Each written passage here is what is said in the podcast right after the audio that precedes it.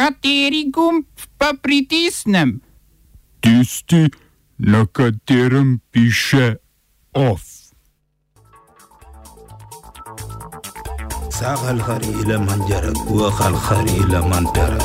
Grčija in Turčija danes začenjata pogajanja o meji teritorijalnih voda. Portugalskemu predsedniku drugi mandat. Oblikovanje nove estonske vlade s prvo žensko mandatarko. O izkupičku protestov podporo avtonomni tovarni rog. V kulturnih novicah interferenca s frekvenco Nike Rjavec v Alcatrazu.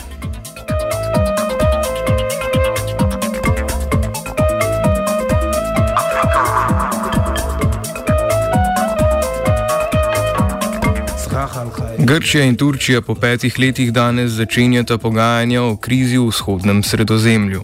Pogovori se bodo začeli v Istanbulu, njihov namen pa je ureditev morske meje, zaradi katere je v zadnjem letu prišlo do mnogih tren. Številni grški otoki v Egejskem morju so v bližini turške obale, zato so vprašanja teritorijalnih meja zapletena in so v preteklosti že vodila na rob vojne. Spor je dosegel vrhunec, ko je lani avgusta Turčija svojo raziskovalno ladjo Oruk Reis poslala v vode vzhodnega sredozemlja. Spremljala pa jo je majhna mornariška flota za iskanje podmorskih nahajališč nafte in plina v vodah vzhodnega sredozemlja. Grčija trdi, da je to območje del njenega kontinentalnega pasu, Turčija pa temu oporeka.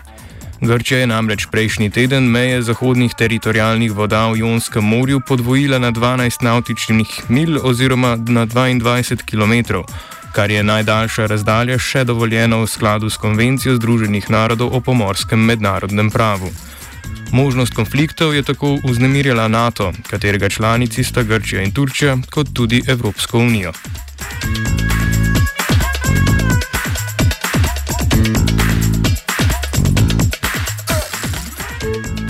Današnje pogovore otežuje še dejstvo, da si državi nasprotujeta glede tega, o čem bi bilo treba razpravljati. Turčija želi razpravljati o demilitarizaciji grških vzhodnoegejskih otokov ter izpodbija lastništvo nad vsaj 18 od teh otokov. Pozivajo tudi k reviziji Lozanske pogodbe iz leta 1923, ki je urejala večino sodobnih meja Turčije. Grčija po drugi strani želi razpravo le o teritorijalnih mejah. Če nobena izmed držav ne bo mogla doseči kompromisa, je ena izmed možnih rešitev tudi arbitraža v Hagu.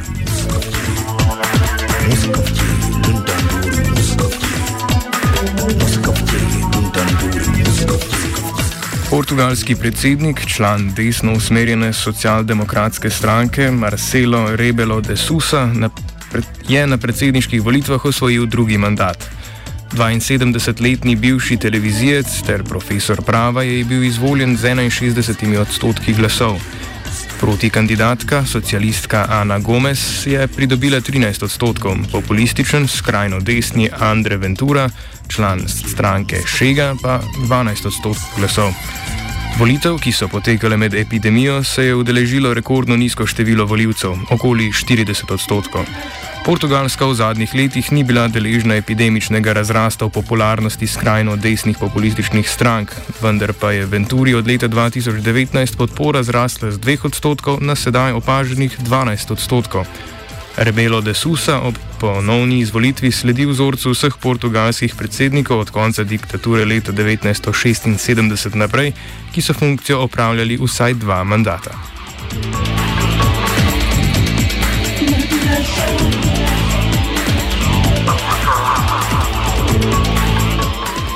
Ob razpadu estonske vlade zaradi korupcijskih poslov prejšnjega premijeja Jurija Ratasa je bil sprejet dogovor o koaliciji z vodjo reformne stranke Kajo Kalas na čelu.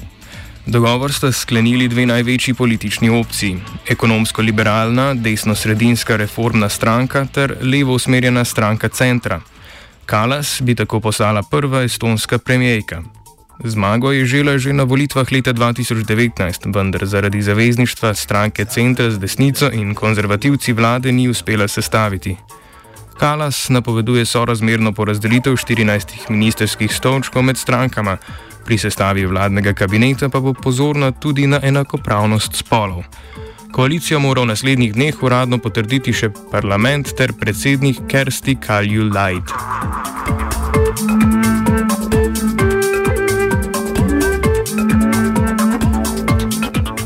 Po vsej Rusiji so čez vikend potekali protesti v podporo opozicijskemu voditelju Alekseju Navalnemu, ki so ga oblasti, potem ko se je zaradi zastrupitve zdravil v tujini, aretirale ob vrnitvi v domovino. Najbolj množičen shod se je odvil v Moskvi, kjer naj bi se zbralo približno 40 tisoč ljudi, največ v zadnjih nekaj letih, upoštevajoč dejstvo, da so protesti potekali širom države, pa gre za najobsežnejšo protivladno akcijo v zadnjem desetletju. Proteste, ki so bili kako, kako pak prepovedani, je policija skušala nasilno zatreti. Aretirala naj bi več kot 3500 ljudi, čeprav se podatki o dejanskem številu aretacij močno razlikujejo. Navalnemu, ki trenutno prestaja 30-dnevni priporni rok, grozi, da mu bo sodišče pogojno kazen treh let in pol iz leta 2014 spremenilo v zaporno. Sojenje se bo začelo 5. februarja.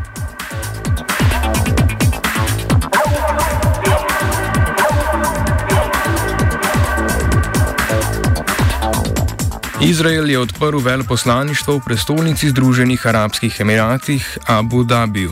Za enako potezo so se odločili tudi Združeni arabski emirati, ki so odobrili odprtje veleposlaništva v Tel Avivu. Državi sta namreč 15. septembra podpisali mirovni sporazum, pri katerem so posredovali Združene države Amerike, da v celoti obnavljajo diplomatske vezi in normalizirajo odnose. Podobne sporazume so ob posredovanju administracije bivšega ameriškega predsednika Donalda Trumpa podpisali tudi Bahrajn, Sudan in Maroko, ki so vzpostavili tudi neposredne letalske povezave z Izraelom. Ti sporazumi, znani tudi kot Abrahamski sporazumi, so razblinili dolgoletno arabsko stališče, da z Izrael, Izraelom ne more biti normalizacija odnosov, dokler ne dosežejo celovitega mirovnega sporazuma s Palestino in jo priznajo kot državo. Palestinci te sporazume, so te sporazume obsodili in jih označili kot nož v hrbet.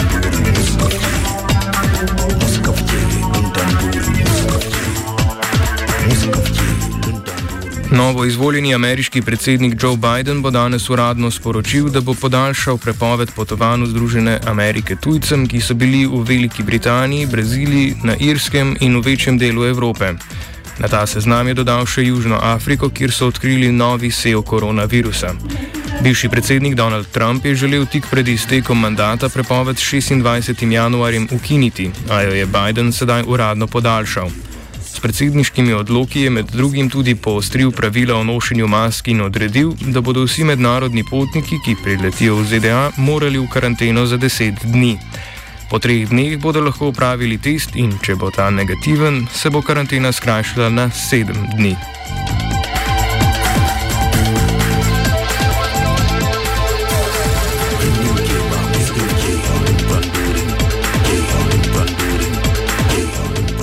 Na vzhodnem delu Himalajskega gorovja je spet prišlo do kitajsko-indijskih spopadov.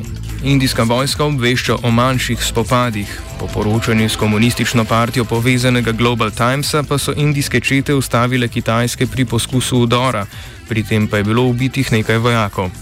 Na območju, ki meji na Kašmir, so spopadi potekali že lani. Trenutno poteka že deveti krok pogajanj predstavnikov vojske. Državi sta v konfliktu glede obmejnih območij, ki se raztezajo čez 3500 km. Že od leta 1976 nove napetosti pa so sprožila gradbena delo, dela na obmejnem pasu, kjer Kitajska postavlja vas z več kot 100 domovi.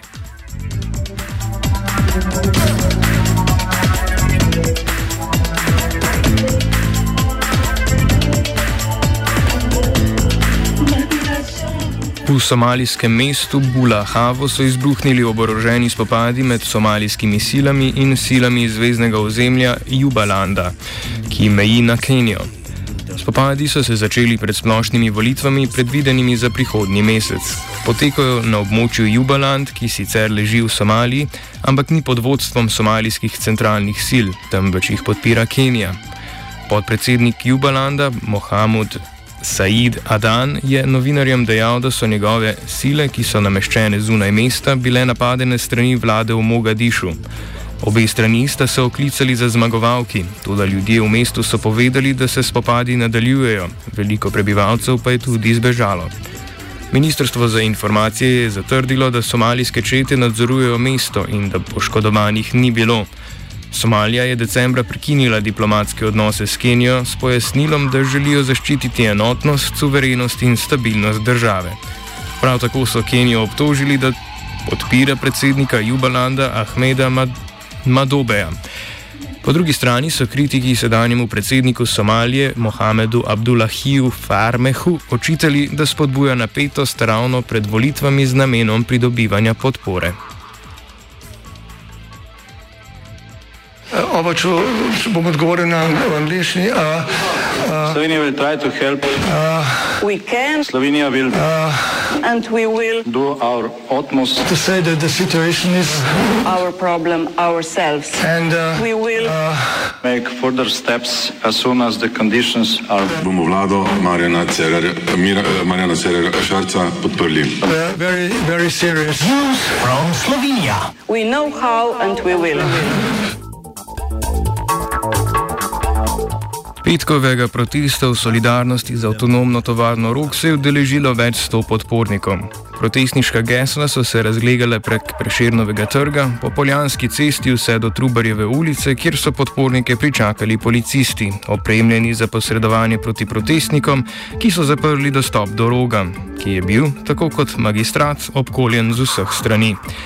Na nenasilno izražanje nestrinjanja z dejanji Mola ter izkazovanje podpore avtonomnim prostorom so policisti odgovorili sozivcem in množičnim popisovanjem ter izdajanjem kazni.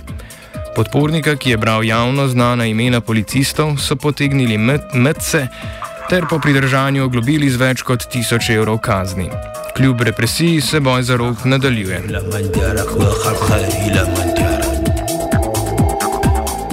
Za konec še v državni zbor, kjer poteka 22. redna seja, na kateri ministerski zbor odgovarja na vprašanja poslancev. Govor je bil tudi o delu policije v zvezi s protesti in sicer je notranji minister Aleš Hojs o tem navrgel naslednje. In seveda lahko v tem trenutku seveda z veseljem povem, da je policija v tem času naredila izjemno veliko dela, tudi, torej tudi tistega gospoda ali gospodiča, ki je napadel tako policijo kot novinarja, smo pridržali. Res je, da je za to potrebno precej dela. Uh, naj kot zanimivost povem, recimo, da so bili jemane DNK analize tudi iz uh, vzorcev urina, recimo ne, tam po okoliških mestih, kjer so te gospodje urinirali in podobno. Uh, na koncu smo vendarle prišli do njega in ga uh, seveda na podlagi usmerjena oziroma odredbe tožilstva tudi priprli. Kot vem, je trenutno še zmeraj v priporu. Torej, daleč od tega, da bi policija bila neaktivna,